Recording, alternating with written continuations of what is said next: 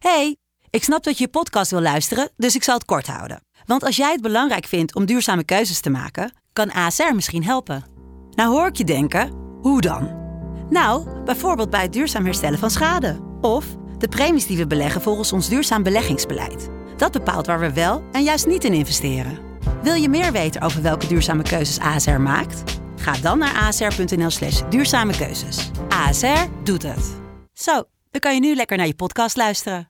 Hoe kijk jij naar het groeien van je bedrijf en zorgen dat, die, dat, die, dat jij, Otto, dat jouw DNA altijd in het bedrijf blijft? Dat is kernwaarde. Ja. De kernwaarde, oftewel het DNA van je bedrijf, dat zijn een aantal values die langer meegaan als, als het goed is, de levensduur van de founder. Think about it.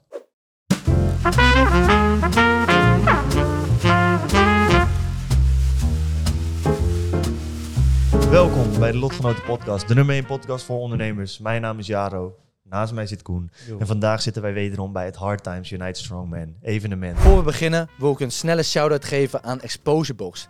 Zij hebben dit evenement ons gerapte box verzorgd. En dit doen ze niet alleen voor ons, ze doen dit ook voor andere grote merken. Zoals een BMW, een Heineken en Tommy Hilfiger. En wanneer gebruiken deze grote merken dit dan?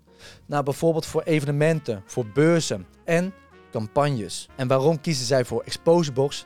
Nou, simpelweg omdat Exposure Box zorgt voor een persoonlijke gerapte box. Wat zorgt voor immense zichtbaarheid, zodat jouw brand tot leven komt. Wil jij hier meer over weten? Klik op de link in de beschrijving. En dan gaan we nu verder met de podcast. Tegenover ons zit vandaag een hele speciale gast. Otto, welkom. Dankjewel. Otto, het is speciaal dat jij hier bent. Enerzijds omdat jij als ondernemer hebt klaargespeeld, maar anderzijds omdat jij vanuit privé eh, momenteel jouw vrouw is in verwachting. En het kan volgens mij elk moment gebeuren. Dus we zijn zeer dankbaar voor de tijd eh, die je voor ons vrij hebt gemaakt. Dank je wel daarvoor. Otto, wij hebben jou leren kennen eigenlijk door het Crow-coaching eh, eh, clubje dat er is. Jij bent daar ook onderdeel van. Jouw bedrijf Suit IT zit in de IT, want dat zit al in de naam. Ik moet zeggen dat ik niet heel veel verder weet wat je precies doet. Alleen dat je het heel goed doet. En eh, dat er veel ondernemers zijn die goed over jou spreken. Jij doet volgens mij, je hebt een groot bedrijf neer weten te zetten. Ehm, ja, je zei het net zelf al, je bent van nerd naar ondernemer gegaan. Otto, kun je ons meenemen in hoe jij als ondernemer bent begonnen, waar het is ontstaan en waar je nu staat? Ja, dankjewel voor deze intro, man. En gaaf om zo te horen wie goed doet, goed ontmoet. Eh, ik probeer alle kennis die ik opdoe ook weer te delen met anderen. En een mastermind groepje met jonge startende ondernemers. En dat vind ik zo gaaf om te zien hoe ieder dan voor zich er iets moois van bouwt. En hoe ik nu ook, ja, het klinkt zo gek. Ik ben nog helemaal niet aan het terugkijken naar die start. Ja, Maar ergens ook weer wel. Want ergens vind ik, we gaan nog veel groter groeien. Suit IT is echt een merk, echt een brand aan het worden. Daar ben ik heel trots op. En aan de andere kant, het is wel leuk om die eerste paar jaar al heel even te recappen en vandaag eh, te delen. ja, Eh, ja, van, van eh, nerd naar ondernemer, IT-nerd. Ehm, vroeger vond ik het altijd leuk om mensen te helpen met hun eh, computervragen en problemen. Dat begint dan vooral aan de straat, weet je, de friends, fools en family. En langzaam maar zeker natuurlijk ook de bedrijfjes die daar omheen zitten. Eh, daar heb ik een enorme passie in. Nog altijd voor techniek. Dus het eh, hele huis moet gesmarthomed worden. Alle baby tech. ja, ja, ja, Hè. Als je een kind krijgt, Ja. zet er maar een camera bovenop. Eh neem maar alle gekheid op een stokje. Ik merkte wel dat het heel leuk was om daar bedrijven in te gaan helpen. Want je maakt tenslotte het leven van andere mensen weer fijner en weer makkelijker. Er is ook heel makkelijk goed in te verdienen. Het is natuurlijk een grote industrie. Dus waarom niet? Gewoon volle gas erin. En eigenlijk vanuit het helpen vanuit mensen met hun computervragen en problemen, daar is via een hele lange omweg Suit IT ontstaan uit eh, hoe het nu is. oké. Interessant. Want wat doet Suit IT precies? We zijn nu het eh, one-stop shop IT-bedrijf voor het eh, MKB in Nederland. Dus bedrijven tussen de pakweg 50 en de 5 à 600 medewerkers. En we faciliteren hun IT. Dus moet je denken aan zorgen dat iedereen een werkplek heeft waar die goed zijn werk op kan doen. Nieuwe medewerkers on- en offboarden. Eh, zorgen dat de wifi, het internet, dat dat allemaal optimaal is. En ook als een bedrijf een, eh, een productiehal of een magazijn of wat dan ook heeft, die werken natuurlijk op allerlei onchristelijke tijden. Ook dan moet het gewoon 100% uptime, eh, moet het gewoon online zijn. Ja, En ze kunnen ons bellen als het niet zo is. oké. Dus jullie doen echt de voorziening van de IT die gebruikt wordt door bedrijven en zorgen dat dat allemaal goed draait en ook optimaal. Ja, check. Mhm. Oké. De slogan cool. is als je vanuit je ooghoek op de auto ziet staan, die naast de Ja, container ja. staat. De menselijke maat in IT. Eh, Mooi. een aantal jaren geleden, zeven jaar geleden, heb ik Shoot IT echt gestart. En de distinctie waarop ik dat vooral doe, waarop we ons merk bouwen, is de menselijke maat. In deze wereld waarin alles wordt geautomatiseerd, wordt geAI'd, wordt, eh, de menselijkheid wordt ervan afgetrokken, zoeken wij juist die menselijke verbinding weer terug op. En daar leggen we de focus op. Mm. Want de strijd wordt niet meer gestreden op wie de beste techniek heeft. Het is allemaal Microsoft, Google of Amazon tegenwoordig. Maar het gaat erom wie heeft de beste klik met die eindgebruikers. Want die werken met ons product, die betalen ervoor. Ja. Ja. En wat is dan eh, de klanten die bij jou komen? Wat is dan hun ervaring geweest voor jou en nu met jou? Wat zien ze voor verschil in die menselijke verbinding? Nou, in de IT is het nogal, eh heeft mensen er een handje van om jargon te gebruiken. Dus hetgene waar we mee zijn begonnen is menselijke, simpele taal. Het maakt de materie niet minder complex, maar als je er niet makkelijk over kunt spreken, dan begrijp je de materie zelf gewoon niet. Dus simpel spreken over beste ondernemer. Je hebt drie keuzes om de IT van jouw bedrijf neer te zetten. We nemen ze gewoon door, maar heel simpel in Jip en Janneke taal op wat gaat het kosten en wat krijg ik ervoor. Ja. Dus denk aan veiligheid, denk aan betrouwbaarheid. Als je het op die manier uitlegt dat het ene merk wat betrouwbaarder is dan het andere, dan snapt iedereen die keuze. Mhm. Als jij in je jargon zit en erachter verschuilt, zal een directeur de offerte wel tekenen, want die denkt ik heb geen andere keuze, maar ik vertrouw het ook niet echt. Het is niet transparant. Nee, En transparant is volgens mij nu wel wat de klok slaat. eh, gewoon in business in het algemeen. wij zijn 100 procent. Ja, natuurlijk, het is hartstikke makkelijk om als hier als gast de, je leukste verhaal te vertellen. Dat Ja. begrijp ik ook. Maar eh, in onze samenwerking zetten we alles transparant in, eh, in een klantenportaal, in een overzicht. Je kan gewoon zien wat voor diensten dat je gebruikt. Je kunt ook gewoon het gesprek aangaan. Waarom kan het niet goedkoper, et cetera. Daar hebben we ook gewoon een antwoord op. Ja. Je mag ook gewoon eh, af- en opschalen wanneer je maar wilt. Daar hoeven we je niet aan te binden. En dat gaat goed volgens mij. Hè? Ja, gewoon door die menselijke verbinding groeien we nu gewoon zo hard dat het grootste probleem nog steeds is goed personeel te krijgen. Niet Ja. per se om meer bedrijven aan te sluiten. dat- we hebben geen salesafdeling. Dan kennen wij misschien nog wel twee jongens eh, van lokaal werk. Grapje. Ja, die ken je ook wel. daar zijn we al mee in gesprek. Ja. Kijk eens aan, goeie echt waar, zaak. ja? Klein wereldje. Ja, leuk. Ja, dat is leuk ook. Dat, die, dat zie je ook vanuit grow coaching. Hè? Dat je ook naast dat je eh, met elkaar verbindt, elkaar ook verder kunt helpen. Ja. Maar dat terzijde, je bedrijf begint groot te worden. Hoe groot is je bedrijf? Kun je daar wat meer over delen? Van wat, hoe zien de cijfers eruit? Of hoe, hoeveel mensen werk je mee? Ja, we zijn nu met een team van een kleine 20 man. Ja, Eh, lekker opgeklommen de afgelopen jaren. eh, gegroeid, soms ook een beetje gekrompen. Eh, je ontdekt namelijk ook dat je, als je 20 medewerkers hebt staan, dat is iets anders als 20 echt goede medewerkers die top bij je bedrijf passen in de kernwaarden en goed zijn in hun functie. Mhm. Dus daar hebben we de afgelopen jaren ook gewoon beter mee leren shiften. Maar in ieder geval dat aan, aan medewerkers. We hebben een freelance schil eromheen. Met wat professionals die ons eh, soms aan de zijlijn adviseren of eh, ondersteunen. En met het team hebben we het afgelopen jaar een kleine 2,5 miljoen omzet neergezet. Met een, eh, voor het eerst een hele leuke winstmarge. Die was de afgelopen jaren in alle eerlijkheid gewoon vrij dun. Daar heb ik bewust voor gekozen, omdat we simpelweg alles terug hebben geïnvesteerd. En afgelopen jaar bleef er ook echt gewoon iets meer over. Dus hebben we ook aan het, het team mee, mee verdeeld. Dan zie je ook gewoon, dit is waarvoor we het nu allemaal gedaan hebben. Het begint nu zijn vruchten af te werpen. Eh, dit is serieus gaaf.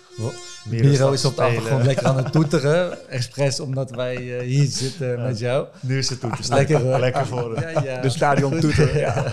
Hey, ehm 2,5 miljoen is niet niks. Hè, dat heb je aardig goed gedaan. Eh, zeker in een aantal jaar waar jij nu mee bezig bent. Je zegt inderdaad van oké, we hebben eerst heel veel terug geïnvesteerd. Eh, nou, dat gaat om aardig grote getallen. Waar investeer je terug? Het is groot en ook weer helemaal niet. Als ik nu terugkijk naar hoe ik stond als beginnend ondernemer die met zijn eerste 10k aan spaarcenten eh, letterlijk gewoon all in is gegaan. We moeten een aantal klanten optekenen, anders dan eh, ben je door je burn rate heen. Dan houdt het verhaal gewoon echt op. Dat is mijn start geweest. Maar goed, een betere motivatie om te knallen heb je gewoon niet dan dit. En als ik nu kijk, ik omring me nu ook weer met ondernemers die al veel en veel verder zijn dan ik. Daar ben ik juist degene met de kleinste omzet. Dus haal ook voor de, voor de luisteraars, haal alsjeblieft dat getal uit je hoofd en denk gewoon na, wat kan ik nu investeren wat op dit moment, in deze fase, de meeste bang for buck terug in mijn business oplevert. Ja? En we investeren dus in twee dingen, plat gezegd. Eén, het zorgen dat het bedrijf een stuk mooier en soepeler draait. Dus investeren in betere systemen, eh, betere mensen, dus via recruiters, hè, die kosten ook niet, eh, niet heel weinig. Eh, betere middelen, de snelste mooie laptops. Alle dingen kosten geld. Mhm. En door dat geld op de juiste manier te besteden, merk ik ook weer dat het hele team energieboost krijgt. Dat we meer kunnen verzetten, beter ons werk kunnen doen.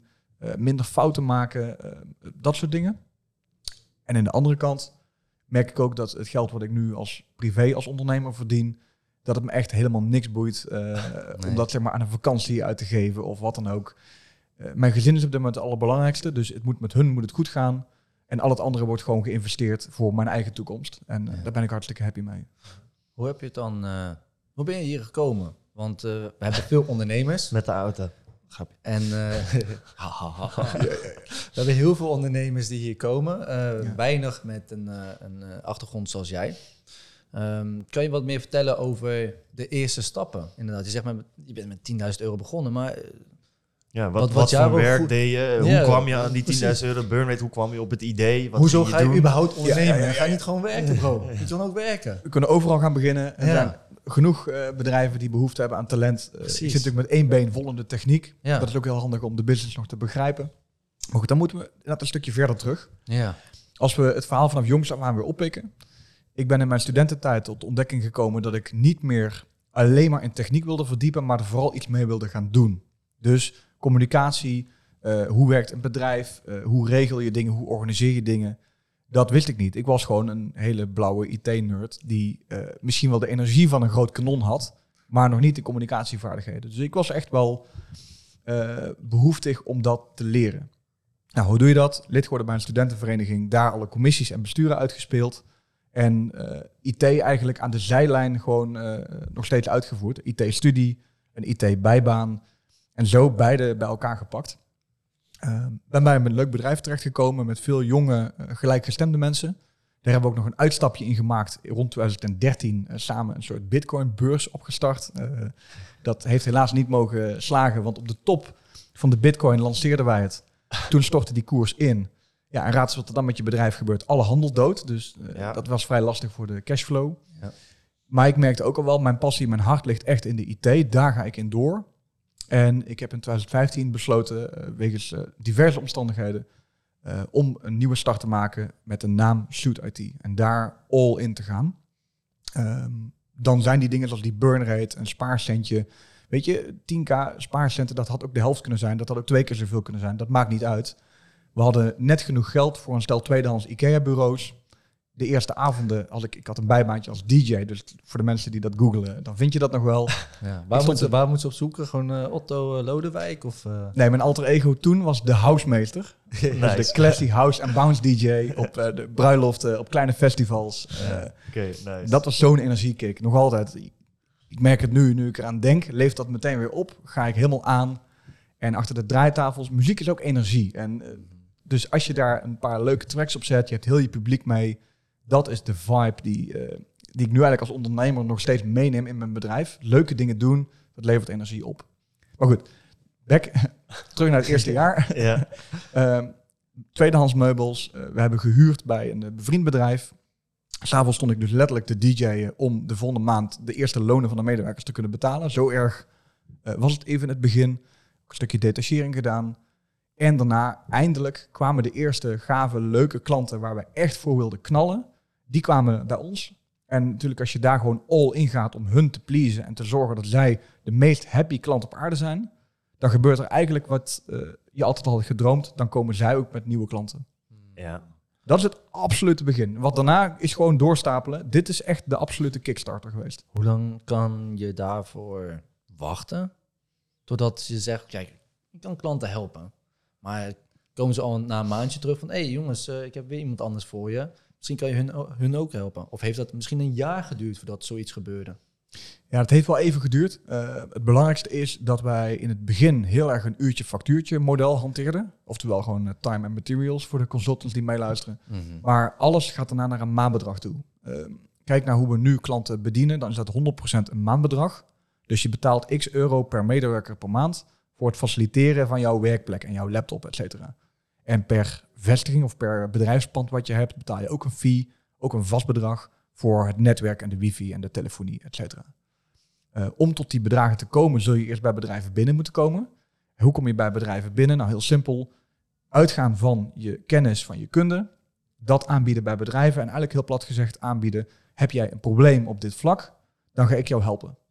Eh, Uit marketingtaal heb je wel eens eh, de drie G's gehoord. Eh, gisteren, goed en goedkoop. Tenminste, zo zeggen we dat hier in Brabant. Ja. Twee van de drie zijn dan waar, maar in het begin lever je drie van de drie.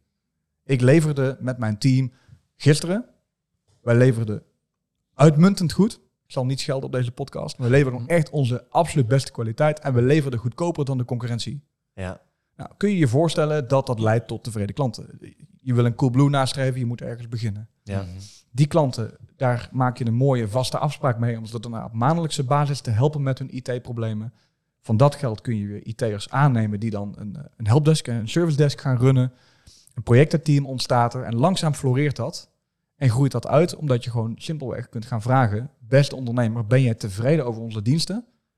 Zo niet, dan gaan we ook echt alles in het werk zetten om dat wel te krijgen.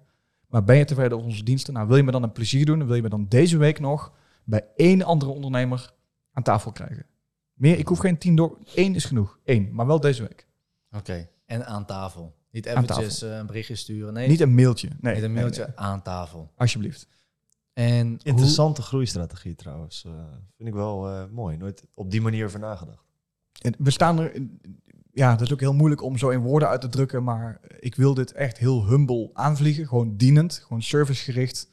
Dat is ook mijn, eh, mijn verleden. Ik wil altijd mensen helpen en pleasen. Ja. En dit is eigenlijk de meest lieve, vriendelijke manier die ook eh, een ondernemer, een klant eigenlijk niks kost. Nee. Want je kunt je voorstellen, als hij ons zou aanbevelen en wij zouden daarna niet het beste werk leveren, dan is het ook zijn goede naam die daaronder onder leidt. En het is denk ik een fantastisch stuk feedback. Want als je vraagt, kan je ons aanbevelen en iemand doet het niet, is dat heel duidelijk Ja. feedback. Dat je eigenlijk niet goed genoeg zit. En als iemand zegt, ik doe het graag, weet je zelf ook. Oké, dan doen we het goed. Absoluut. Ik Ja. zeg het ook heel eerlijk, eh, ook op dit moment, en dat is eigenlijk de reis door heel de ondernemersjourney heen. Je hebt eh, raving customers die hartstikke blij zijn, die jou op handen dragen. Nou, ik, ik dank hun ook met hun blote knieën voor het vertrouwen wat ze in ons hebben.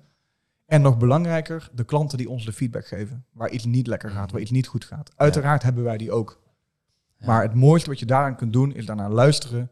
En echt oprecht alles op alles zetten om het wel goed te gaan maken en voor die team te gaan. En dat doen we ook. Daar zetten we ons voor in. Dat is, dat is een soort van bezieling, een soort van eh, drive, een missie. Ik weet niet welk labeltje ik er exact Hmm. op moet plakken, maar dat beweegt mij om 's ochtends te gaan zeggen: ik ga vandaag de toko weer 1% mooier en leuker achterlaten als hoe ik vanochtend binnenkwam. begon je alleen? Ja. En in het begin had je toen een team. Nee, Hoe ben je toen begonnen? Want als jij een klant krijgt, heb ik het gevoel bij jou dat het best wel gelijk echt een huge opdracht is wat je moet leveren. dat klopt. Hoe heb je dat opgevangen? In het begin eh, wel met de, eh, een, stukje, een stukje mazzel en een stukje netwerk. Al wel vrij snel aan de eerste medewerkers gekomen. Mhm. Eh, een van de mensen met wie ik heel lang geleden heb samengewerkt in een stagepositie, zocht een afstudeerstage en die kwam weer bij mij terug. Ja. Dus eh, Jens, bij deze ook bedankt in de podcast. Ja, nice. Eh, hij heeft vanaf dag één heeft hij het bedrijf mee zien, eh, zien groeien. Hij heeft een mooie stage uitgevoerd, werkte er daarnaast ook mee, want die stage was gewoon twee vingers in de neus. En dan heb je vier dagen per week nog over, om dus gewoon mee te kunnen draaien. Hij heeft alles vanaf de eerste rij mee mogen maken. En toen we dus wel groeiden in andere medewerkers, dus dat zijn in het begin studenten geweest, daarna de eerste fulltimers. Nou, dat is pas spannend, ja. fulltime ja. Maar eh, het stomme is, die eerste en die tweede medewerkers zijn het allermoeilijkste. Daarna gaat het echt een stuk meer vanzelf. Want dan heb je ook meer werk te verdelen. Dan weet je ook eh, vaak al wat beter wat voor profiel dat je zoekt. Dus een IT-engineer met ervaring van Microsoft of van eh, Cisco, noem het maar op. Ja. Welk advies zou jij dan nu geven als je terugkijkt naar de start aan jezelf? Want er zullen ongeacht, er zullen sowieso dingen zijn die, waarvan je nu zegt, ja, dat was niet handig. Trust, then verify. Ja. Dat is het, eh, het ding, ik kan hem op een tegeltje ongeveer plakken. Ja. Ik heb al het vertrouwen in mijn medewerkers, in mijn klanten, in eigenlijk heel de wereld. Ik ben er heel goed van vertrouwen. Maar in het begin controleerde ik niemand. En met Trust and Verify hadden we een hele hoop dure fouten kunnen besparen. Dus dat zou ik mezelf absoluut meegeven. En het andere is, Otto, je had nog harder kunnen opschalen. Maar het is goed zoals het nu gelopen is. is ingewikkeld om te bewerkstelligen, merken wij zelf ook wel. Hè? Want aan de ene kant zeg je trust, dus je geeft vrijheid. En ik denk ook Ja. dat als je eh, werknemers vrijheid geeft, dat ze veel meer tot zelfactualisatie komen, omdat ze het zelf kunnen gaan uitvogelen en doen. Alleen wat je zegt, als iemand daar een loopje mee wil nemen, dan kan dat ook Ja, uit de hand lopen. Dat is ook de ruimte die je creëert. En dat is de angst die denk ik ook bij veel ondernemers bestaat. Hè? Dat, dat ze zoiets hebben van ja, dan geef ik die vrijheid. Maar ja, wat als iemand... Nou, eh, heel eerlijk, ik ben een paar keer op mijn neus gegaan. Eh, Ja. voor de start van Suit IT ben ik op mijn neus gegaan met eigenlijk een mismatch in mondelinge afspraken. Anders eh, was Suit IT misschien niet eens van de grond gekomen. En in Suit IT, een aantal mensen die ik heb aangenomen, bleken eh, ja, niet om te kunnen gaan met de vrijheid die ik ze bied. Dan kom je daar op een gegeven moment achter. Ja, het is gewoon een, even een keiharde reflectie. Maar goed, eh, pak je spullen bij elkaar eh, en doorgaan. wegwezen. En is En- dan ook ontslaan? Gewoon van, oké, je hebt dus die vertrouwen geschaad. Het is gewoon weg. Ik had daar veel harder in moeten zijn. Ik ben heel erg vertrouwend in mijn medewerkers. En nog steeds, iedereen die nu bij ons werkt, die gun ik alles, die vertrouw ik ook alles. En zeker in de beginfase van nieuwe medewerkers moet ik gewoon wel scherper zijn. En hoe doe je het verify zonder dan een micromanager te worden? Want dat is weer het anderste uiterste. hè? Zeker. Ehm, eigenlijk gewoon plat gezegd, welke resultaatafspraak maken we? Die leen ik dan weer eventjes uit Straight Line Leadership. Ja. Welke afspraak op resultaat maken we? Dus wat gaan we, gaan we doen per wanneer? En hoe gaan we dit beoordelen?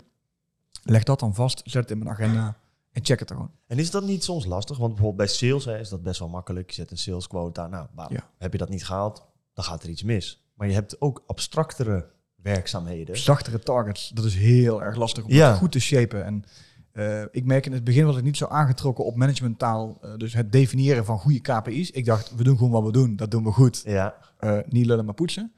En later bleek een paar hele sterke goede KPI's dat dat toch echt wel bijdraagt. Ook de zachte KPI's. Stuur maar gewoon nu elke, elke maand sturen we een soort mini-enquête uit naar klanten. Met niks anders dan een schaal van 0 tot 10. Je klikt één cijfer aan. Dankjewel voor je feedback. Eh, je mag meer achterlaten, maar dit is alles wat we wilden weten. We meten elke maand gewoon de gemiddelde NPS. En daarop baseren we ook, eh, eh, doen we dat bijvoorbeeld goed? Is onze klanttevredenheid hoog? Weet je, we hebben alle input uit gesprekken. Maar we vragen het ook iedereen gewoon om één maand even iets aan te klikken. Wil jij starten met ondernemen? Of ben je al ondernemer en heb je naast je huidige business behoefte aan een extra cashflow? Bij Lokaal Werkt kun je als lokale partner op een rijdende trein stappen zonder financiële investering. Wil je impact maken op zowel werkzoekenden als werkgevers? Dat kan als lokaal partner. Met een goed netwerk en een goede drive kun je al snel 5 tot 10.000 euro per maand verdienen. Dus lijkt dat je wat? Word dan lokale partner bij Lokaal Werkt. Zij zorgen voor de juridische en administratieve rompslomp, zodat jij je kunt focussen op het bij elkaar brengen van bedrijven en kandidaten. Nu lijkt het misschien te mooi om waar te zijn, maar onthoud, het is keihard werken, er is een selectieproces en dit is geen cursusbaas shit. Zo zijn er dit kwartaal maar een beperkt aantal plaatsen vrij voor de onboarding. Dus klik op de link in de beschrijving, meld je aan en misschien word jij wel de volgende lokale partner. Hoe is die ontwikkeling? Want je zegt zelf, hè, je begint als een soort van cowboy je gaat mensen helpen. hè, je vindt het leuk en het is vooral laten we gewoon samen doen wat we tof vinden en waardevol doen. En dan is het vet. Nu groei je naar een miljoenenbedrijf, je gaat meer mensen aannemen, de klussen die je doet worden groter en serieuzer. Daar is een andere vorm van management Klopt. en ook bedrijfsvoering voor nodig. Klopt. Hoe ga je met die ontwikkeling om? Die stappen hebben we een jaar of drie geleden ingezet. Om inderdaad te kijken wie moet erbij, behalve IT'ers, om de boel ook procesmatig beter aan te kunnen sturen. En dan kom je eigenlijk neer op het volgende. In het stuk IT zit een stuk eh, project- en procesmanagement. Dat hebben we nu belegd, eh, bij, nou, in dit geval bij een IT'er die supergoed is in zijn vak en ook door wilde groeien en die eh, deze rol ook al soort van erbij pakte. We hebben zijn taak eigenlijk vrijgespeeld om te zorgen dat hij daar volledig op kan focussen. Dan het stuk relatiebeheer. Dat hebben we bij meerdere van de IT'ers neergelegd. We hebben hele warme, enthousiaste, vrolijke eh, en me- vooral menselijke collega's. Waarom zou je dan een accountmanager aannemen als de IT'ers die vaak bij de klanten binnen zitten, deze rol ook kunnen uitvoeren? En misschien nog wel veel beter. Ja. Dus nou, dat is dat afgetikt. En het, wat bleef er over? Het stukje operatie. Ik heb een goede anderhalf jaar geleden een goede collega aangenomen die nu als manager operations aan de slag is. Die loopt hier overigens ook bij, eh, bij Miro rond sinds Ja, kort. Dus dat mooi. is eh, volgens mij ook een leuke verbinding. En waar ik dus vooral focus op de voorkant van het bedrijf, ontzorgt hij me in vooral de achterkant van het bedrijf. Dus de administratie, de finance, de processen, eh, onze ISO 27001 certificering. Ja. Dat zijn dingen, to be honest, waar ik niet meer de meest maximale energie van kreeg. Geef Eh, fuck om. maar ze moesten wel gebeuren. Ja. Zeker met die grotere klanten. We hebben verantwoordelijkheid is in een van onze kernwaarden. We hebben ook best wel stevige, serieuze klanten. We hebben een laag aantal klanten, maar best wel een hoge waarde per klant, om het zo te zeggen.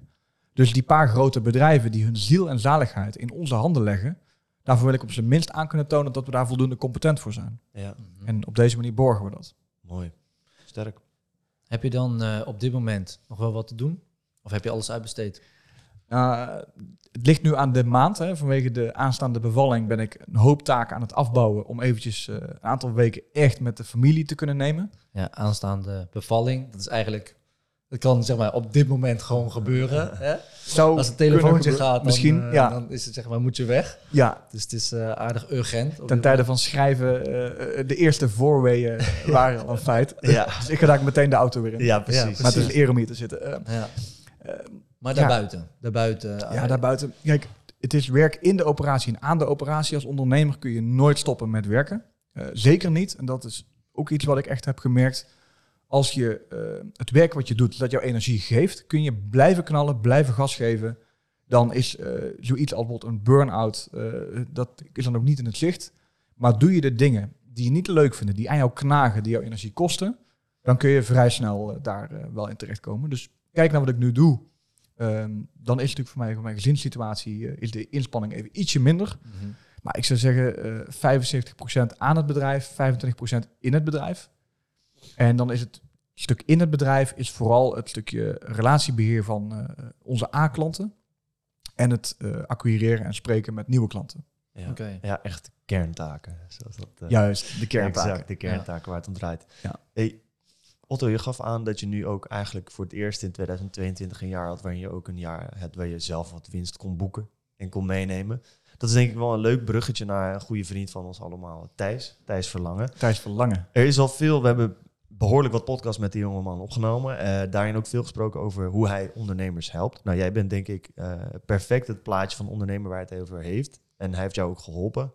Ik zou daar wat dieper op in willen gaan. Want jij zegt, nou, je boekt voor het eerste jaar winst. Dat betekent dat je ook voor het eerst wat geld gaat verdienen met je onderneming. Allereerst ben ik benieuwd, hoe is die ervaring? Je zei net al een beetje dat het eigenlijk niet zoveel uitmaakt. Nee, klopt. Het is ook geleidelijk aangegaan. Dus wat ik je net zei, de afgelopen jaren daarvoor komt er ook al wat winst uit de toko. Maar ik heb er gewoon nu voor gekozen om dat steeds gewoon te laten staan. Eh, dus alle winst eh, van de eer- eerdere jaren van Suit heb ik gewoon lekker laten staan op een spaarrekening of eh, in de BV of in de holding, whatever.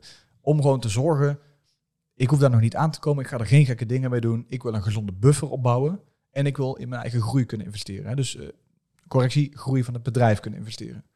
Kijk naar een klantenportaal, kijk naar goede software. Nou, goed, dat even daar gelaten. Dan bruggetje naar Thijs. Eh, ik werd een beetje wakker geschud met de inflatiepercentages. En dus dat het geld wat ik eh, dan op de rekening had staan, dat dat gewoon in hoge mate verdampt. Een deel van het feit dat ik eh, dat startkapitaal heb, was omdat ik in 2013 al een start heb gemaakt met bitcoin. Dat was nu leuk, maar dat begon ook nog te knagen. Dus je hebt en die winst van, van Suit, waar je iets mee moet. En die bitcoins, wat een heel leuk bedrag begon te worden, maar wat ik een beetje scary vond om alleen maar in crypto te Heel volatiele eh, aandelen hebben. Ja. Ehm, tegelijk, als je gaat kijken bij de traditionele aandelenbrokers, dus eh, de fondsen, de ETF's, ehm, ja, dan kom je toch snel bij de aantal banken uit. Dan zie je dat je daar ook best wel wat commissie op betaalt. En dat de resultaten helemaal niet zo denderend zijn als dat de marketingafdeling doet blijken. Nee, dat is eh, een, bijvoorbeeld een Robeco die eh, Thijs eh, altijd Ja. probeert af te maken. Ja, Thijs heeft daar altijd Probeer een het toch goede... gewoon echt afmaken. Hij maakt het helemaal kapot. Maar kijk naar de feiten. Thijs heeft een en ander eh, uitvoerig bestudeerd. Hij heeft hij ook netjes onderbouwd. In zijn hele slide deck zet hij dat ook. Ik ben ook toch wel een beetje dan de cijfernerd die daar dan in gaat zitten Ja. kijken. Maar hij heeft gewoon teruggerekend naar wat de diverse fondsen doen in de afgelopen x jaar. En een strategie, eh, een aantal, een aantal mix van ETF's, om het even heel plat gezegd te zeggen. Hoe bouw je dat dan op? Hoe sluit je dat aan? Eh, en hij heeft ook gewoon mij geholpen met het opzetten van een beleggingsrekening, met het inzetten van deze eh, parameters, het gebruiken van je bruto jaarruimte. Ja, dat is ook een groot Ja. eh, belangrijk ding. Dat was dus een instant, eh, wat was het voor mij, rond de 15k instant aan belasting, wat ik dus terugkreeg door één trucje met Thijs Verlangen. ja, dat Ja, is ja, ja. bizar. Het inzetten van je jaarruimte. Doe Leuk, dit. Google maar het dit. is toch ook dit. bizar dat, dat jij eh, bent best wel gevorderd in business en dat je daar pas zo laat eigenlijk dan achter komt. Het had niet de focus. Nee, ja, ik was niet, niet bezig Ja. met beleggen en met Nee. pensioenen. Het is ook Ja. niet je expertise, toch? Nee, heel Nee, je eerlijk. bent, toch, Nee. bent bezig met IT. Ja, dat is zo. Weet je, wij zijn bezig met podcasten. Dus samenvattend, hè, wat Thijs voor je gedaan heeft, is eigenlijk zorg dat je belastingtechnisch beter uitkomt. Maar nog misschien wel een interessanter gedeelte is dat je zegt, ik begin een beetje centjes te verdienen nu. ja, waar de fuck ga ik dat geld laten om het gewoon voor later te laten renderen? Er zit een kind aan te komen, die wil je misschien ook wat leuks meegeven. Check. Dan moet Ja, het wel toen twee jaar geleden Guus werd geboren, hebben we een, eh, hebben we een rekening in zijn naam geopend. Ja, Waar we dus allebei ook eh, maandelijks wat geld in potten. En eh. Opa oma doen mee. Nou, hartstikke leuk om dat te zien. En dan het belangrijkste is, als je naar die inflatie kijkt, dan kun je nu wel 100 euro per maand willen inleggen. En dan doorrekenen als die 18 is dat je zijn studie kunt betalen. Tenminste, dat is waar wij het voor willen doen. Dan willen we het aan hem geven voor een studie. Maar als je dan ziet dat die inflatie misschien er wel voor zorgt dat dat geld heel weinig meer waard is, dan beleg ik het liever nu in leuke aandelen en fondsen. Om over 18 jaar te kunnen zeggen, kijk, nu staat er ook een mooi vermogen waar je nog steeds wat mee kunt. ja. Mhm. Eh 100 jaar geleden kon je met een klompje goud een mooi jasje kopen. Nu kun je met een klompje goud nog steeds een mooi jasje kopen. Maar ook niet meer of minder. Mhm. Dus dat geeft wel aan Ja, hoe ernstig precies. dat die inflatie eigenlijk is. Ja. Ja. klopt inderdaad. Ik moet zeggen dat mijn ouders hadden hetzelfde idee met mij toen ik geboren was. Die hebben gewoon elke maand en elke keer als iets speciaals gebeurde, gewoon geld apart gezet voor mij. Maar toen werd je ouder, toen dachten ze, nou, daar gaan we Nee. zelf wat moois van doen. Precies, toen zijn ze op vakantie gegaan. Nee. Maar ehm, dat hebben ze dus via een bank gedaan. En op een gegeven moment eh, zei de bank van ja, eh, geld is weg. Ja. Oh, footsie. 2008 Oké. waarschijnlijk. it's gone. En Ja. gone. Ja, precies, South Park. En gone. En daar ging dus eh, studiegeld, toekomstgeld, klein budget ervoor. Dus dat is wel mooi om nu te zien, zeg maar, dat jij Ja. nu ook verstand hebt. Ook als het een klein dingetje, verstand hebt van oké, volgende generatie doet het wel goed. Ja, precies. Ik wil het voor de volgende generatie wil ik het klaarzetten. Ja. Voor mezelf natuurlijk een mooi pensioen opbouwen, ook een stukje zekerheid. Want het is ook wel belachelijk in, deze, in dit mooie land dat je eh, hier altijd een pensioen hebt. Als je netjes in loondienst bent, heb je een eigen bedrijf. Of denk je, ik zit in loondienst van mijn eigen bedrijf. Nee, dan gaat het allemaal niet op. Geen pensioen. Nee, dat Ja. is bizar. Raar is dat, hè? Dus je moet iets voor jezelf opbouwen. En ik wil ook niet dat eh, grote bedragen mij gaan verleiden tot eh, vakanties of rare auto's, dat soort dingen. Nee, ik doe maar gewoon normaal. Dus ik investeer alles gewoon zo ver mogelijk uit mijn zicht Mhm. voor dingen die heel lang moeten renderen. Ja. Je hebt wel een... hebben we dit stuk trouwens afgerond of heb je nog vragen hierover? Ja, nee, ik, ja, ik was vooral nog benieuwd van, is bijvoorbeeld vastgoed iets waar je dan ook naar kijkt? Of is dat iets wat helemaal niet jouw interesse trekt? Want dat ja, is absoluut. ook Het is een, een gezonde mix van een aantal dingen. Dus Ja. goed dat je dat zegt. Eh, ik zit nu vooral een stukje in eh, ETF's en in aandelen. Ja, Mhm. Een stukje in eh, start-ups en bedrijven. Een stukje in vastgoed. En een stukje in cryptocurrency. Ja. En eigenlijk een beetje een gezonde mix van die vier.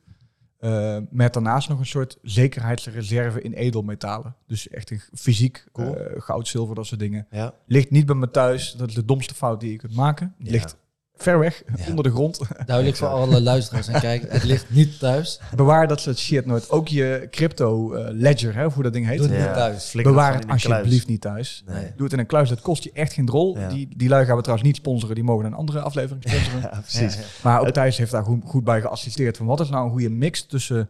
eh, nou, kijk naar bijvoorbeeld vastgoed, heb je diverse fondsen. Of je kunt beleggen met een stukje hefboom. Eh, maar wat doe je om te zorgen dat je nachtrust krijgt van die belegging? En niet dat het je nachtrust kost. Dat is Dus ik ben niet op zoek een naar een tweede of een derde bedrijf ernaast Ja. te bouwen. Ja. Dat met die ledgers is ook wel mooi. Dat je Mr. Beast, die ken je vast wel. Die, bij hem is ook ooit een ledger met nu volgens mij 2 miljoen aan bitcoin erop zo gestolen. Maar hij zei dat hij volgens mij ook nog wist wat het adres was. Dat hij kan kijken. Dat het er gewoon nog steeds in staat. Ja. Want ja, iemand steelt je ledger. Maar je gaat die ledger niet inkomen. De kans is super klein dat je daar iets Ja, mee die kan.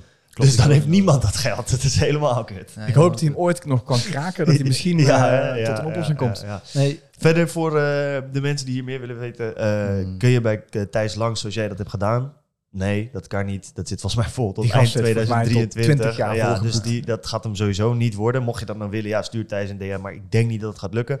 Wat hij tegenwoordig wel heeft, is een masterclass. Waarin je zeker het aandelenstukje gewoon heel makkelijk zelf kunt aanleren.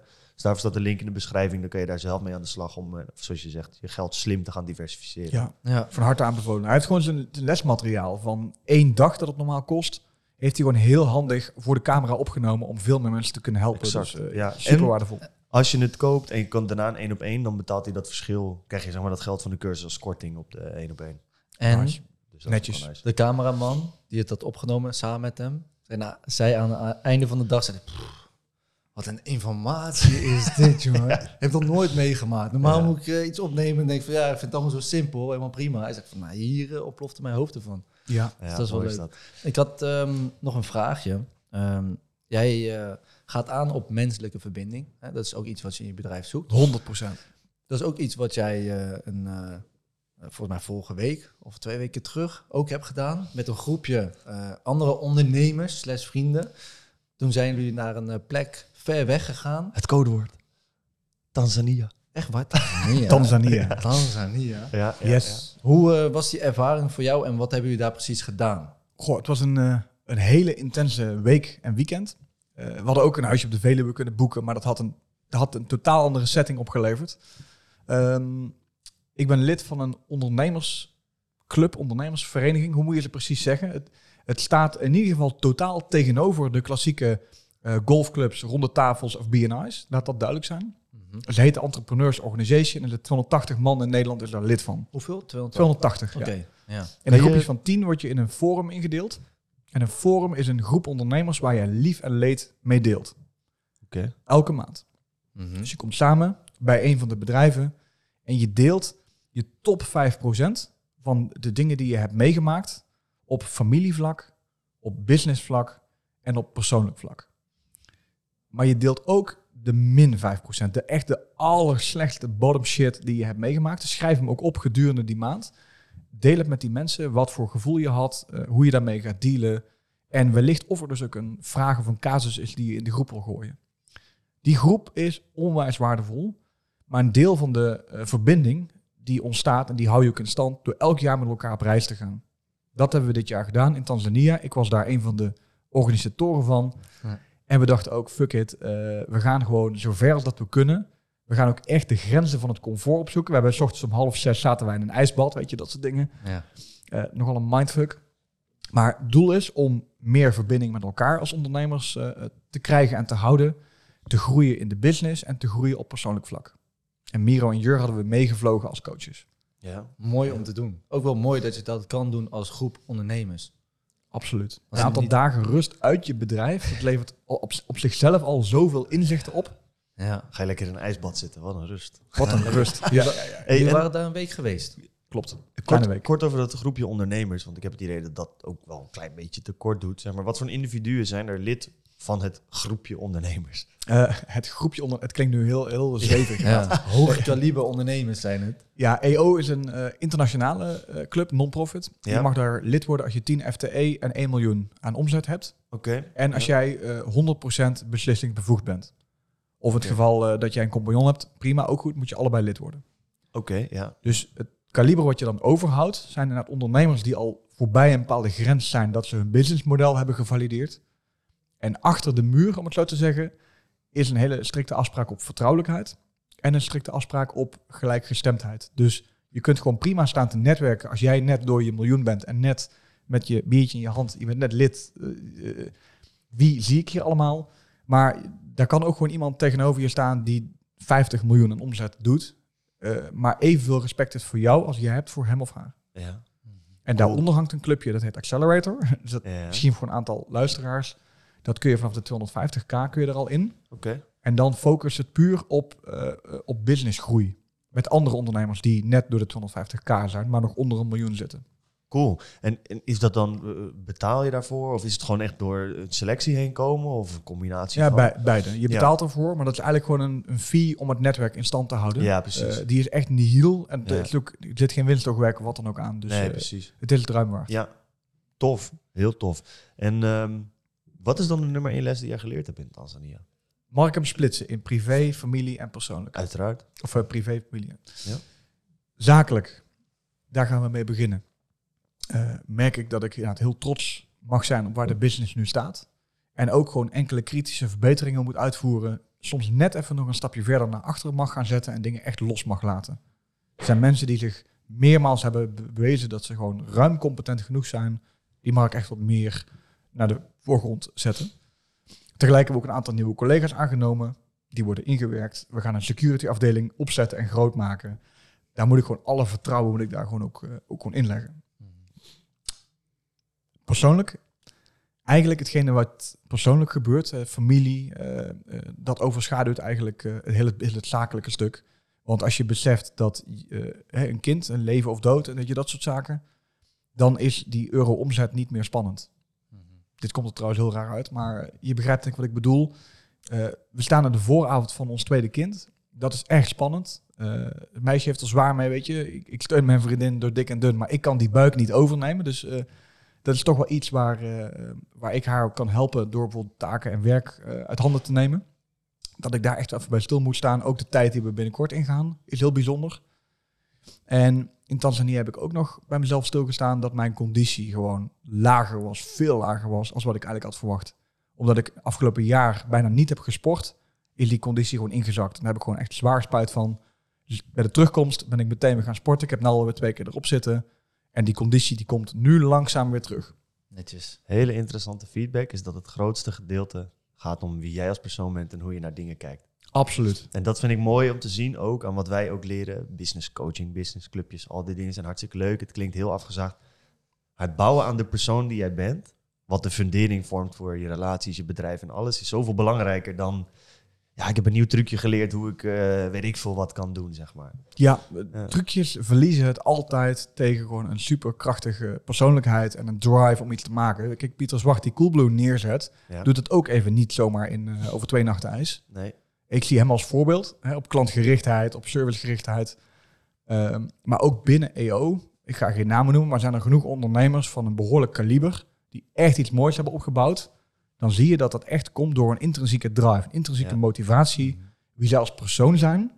En goed, eh, er komt een stukje business aan te pas, maar dan moet je eerder denken aan hoe zet je bepaalde processen en afdelingen neer. Hoe zorg je dat je de mensen die je aanneemt, dat dat de juiste zijn op competentie en op kernwaarden. Maar dat zijn eigenlijk relatief kleine of eh, eh, eh, oppervlakkige gebieden. Versus samen als ondernemers echt gewoon elkaars, in elkaars hart mogen kijken. Dat doe je in zo'n retraite ook. Het is niet alleen maar dranken, zuipen, zwembad, gezellig. Ja. We hebben, stel ik nog, we hebben een aantal dagen alcoholloos gedaan. En uiteindelijk één wijntje bij het eten. Ja. Maar je vraagt aan ieder, deel gewoon wat je op je kerfstok hebt. Als je het met ons niet kunt delen, met wie dan wel? Ja. Wat er dan op tafel komt. En ook hoe je gewoon met je eigen ervaringen anderen weer vooruit kunt helpen. Ook ik kan ervaringen delen die voor anderen enorm krachtig zijn. Mhm. Misschien niet zoveel als anderen, want ik, ben nog, ik kom nog heel jong, ik kom net kijken. Mhm. Maar het is er wel. En het is een groep toch van tien mensen of zo. Ja, klopt. En die tien mensen, elke keer heb je dezelfde groep. Komen de mensen bij, gaan de mensen weg? Nee, die groep blijft hetzelfde. Eh, natuurlijk kunnen mensen ooit een keer het lidmaatschap opzeggen. Of eh, ze verkopen hun bedrijf. Of ze gaan naar het buitenland, et cetera. En dan komt er weer één nieuwe persoon in. Ja. Maar in de kern blijft je forum gewoon gelijk. Nice. Koen, hoe lang hebben we nog? We hebben nog twee minuten of zo. Oké, ik wil een kort een laatste ding, dat vind ik wel interessant. Pieter Zwart is een groot voorbeeld van jou. Oké, nice. Wat ik interessant vind is dat naarmate je een bedrijf bouwt en groeit, wordt het steeds groter. Dat doel zou jij ook hebben, denk ik. Wat wij laatst merkten, Coolblue staat voor het feit dat als je daar komt, is er altijd expertise en specialisme. Alleen Coolblue lijkt nu naar mijn mening langzaam ten onder gaan aan het feit dat ze zo groot worden. Want wij gingen daar een camera kopen, hebben een camera gekocht, waren volledig verkeerd ingelicht. Daar klopte gewoon geen moer van. En toen dacht ik van ja, dat is het moment dat je dus wel, is heel anders hoor, maar een onderneming kan heel hard groeien. En jij bent nu als ondernemer, jij draagt een heel groot deel van de cultuur van wat Suit IT doet. Naarmate het groter wordt, gaat dat minder mogelijk worden, want er zijn gewoon veel meer mensen. En dan kan het zomaar ineens zijn dat de specialist Coolblue geen specialisten meer in dienst heeft. Hoe kijk jij naar het groeien van je bedrijf en zorgen dat, die, dat, die, dat jij, Otto, dat jouw DNA altijd in dat bedrijf blijft? Oh, dat is een hele mooie vraag. En mijn handen jeuken om hem ook snel te antwoorden. Maar het, mand platgeslagen antwoord, Ja. dat is kernwaarde. Ja. De kernwaarden, oftewel het DNA van je bedrijf, dat zijn een aantal values die langer meegaan als, als het goed is, de levensduur van de founder. Think about it. Dus op het moment dat ik hem heb opgestart, begon ik na te denken, waar sta ik nu echt voor? Wat is nu hetgene wat ik echt wil uitdragen met Suit IT? Waarom doe ik wat ik doe? En hoe ga ik bewijzen dat ik echt wel beter ben dan al die anderen? Wat is die 5% die Suit uniek maakt? Eh, en de overige 95% is namelijk gewoon de pitch van een IT-bedrijf. Die zou je ook op een ander bedrijf kunnen plakken. Mhm. En die 5% beantwoord je grotendeels met kernwaarden. Als voorbeeld, onze kernwaarden zijn menselijk, gedreven, verantwoordelijk, energiek en helder. En alle nieuwe medewerkers worden in hun sollicitaties getoetst aan deze kernwaarden. Alles wat wij doen, alle processen, alle afdelingen worden getoetst aan die kernwaarden. En die kernwaarden moet je ook zien als een kapstok of als een grote wodkafles, waaraan de takken en de afdelingen worden, worden opgehangen. Ik zie Of daar, ja. stekels inderdaad. Stekels, ja. De- ja, ja. dus je bouwt, je bouwt een bedrijf maar geworteld in dat bedrijf, in die kern, daar zitten die kernwaarden. En je komt er ook continu bij terug. Op die manier kun je dus borgen dat als het bedrijf groter wordt dan jijzelf, dat mensen misschien niet meer kunnen relateren wat zou Otto doen of zou hij hier zicht op hebben, maar is wat ik doe in lijn met die kernwaarden, ja of nee? Ja, Ja. duidelijk. Dus pak de DNA die jij hebt in een bedrijf, maak, trek hem eruit, maak hem tastbaar. Ja. En zorg dat die gedeeld wordt. Precies. Dit maak je ook niet door het te zijn. Dit kan een marketingafdeling ook niet doen. Dat is de grootste fout die je kunt verzinnen. De ondernemer of de ondernemers, het MT, de mensen die er werken, die zullen zich moeten verenigen. Voor welke kernwaarden staan wij nu echt? Dat kan best wel een confrontatie zijn bij sommige bedrijven, omdat het MT wellicht denkt dat we daar staan. En het team denkt, ja, hoezo klanttevredenheid? Eh, de garantietermijn is hartstikke kut, je kunt niks terugbrengen. Ja, ja, ja. Eh, we adviseren niet het product wat het beste is, maar het product met de hoogste marge. Ja, dan is er werk aan de winkel. Ga je dan voor die kernwaarden en zul je dus dingen in je operatie moeten opofferen? Mhm. Of ja, heb je kernwaarden door de marketingafdeling en plak je die met een stickertje erop, maar ben je ze niet? Het is ook wel interessant om gewoon, ook bij ons, gewoon aan ons team te vragen. Wat denken jullie wat onze kernwaarden zijn? Dat zul je samen moeten uitzoeken. Want wij weten dat wel, omdat we het hebben opgebouwd. Dus daar hebben we het vaak over. Maar ons team, ik, we hebben het nooit echt letterlijk gevraagd aan hun. Nee. Dus Voilà. dat is, eh, Dus dat is feedback. ons huiswerk en ook het huiswerk voor de luisteraar. Ik denk dat het een hele mooie is om, om daarop te eindigen. Otto, bedankt voor je tijd. Ik Graag vond het gedaan. eh, leuk om eh, veel meer nog van je achtergrond te horen. Wel een kort gesprek. Ja, ja, ja. Zometeen eh, hebben we, of zometeen, in de volgende aflevering hebben we de roundtable. Ja. Yes. Of met de roundtable doen we met de aflevering denk ik op de laatste. ja, dat komt Dat, later. geen flauw idee, Ja, oké, dat komt later. Dat is. komt als allerlaatst. Maar jij bent daar ook, dus dat wordt ook nog gezellig. Leuk. Kijk eens aan. Tot dan. Top man. Tot dan. Ciao. Hoi.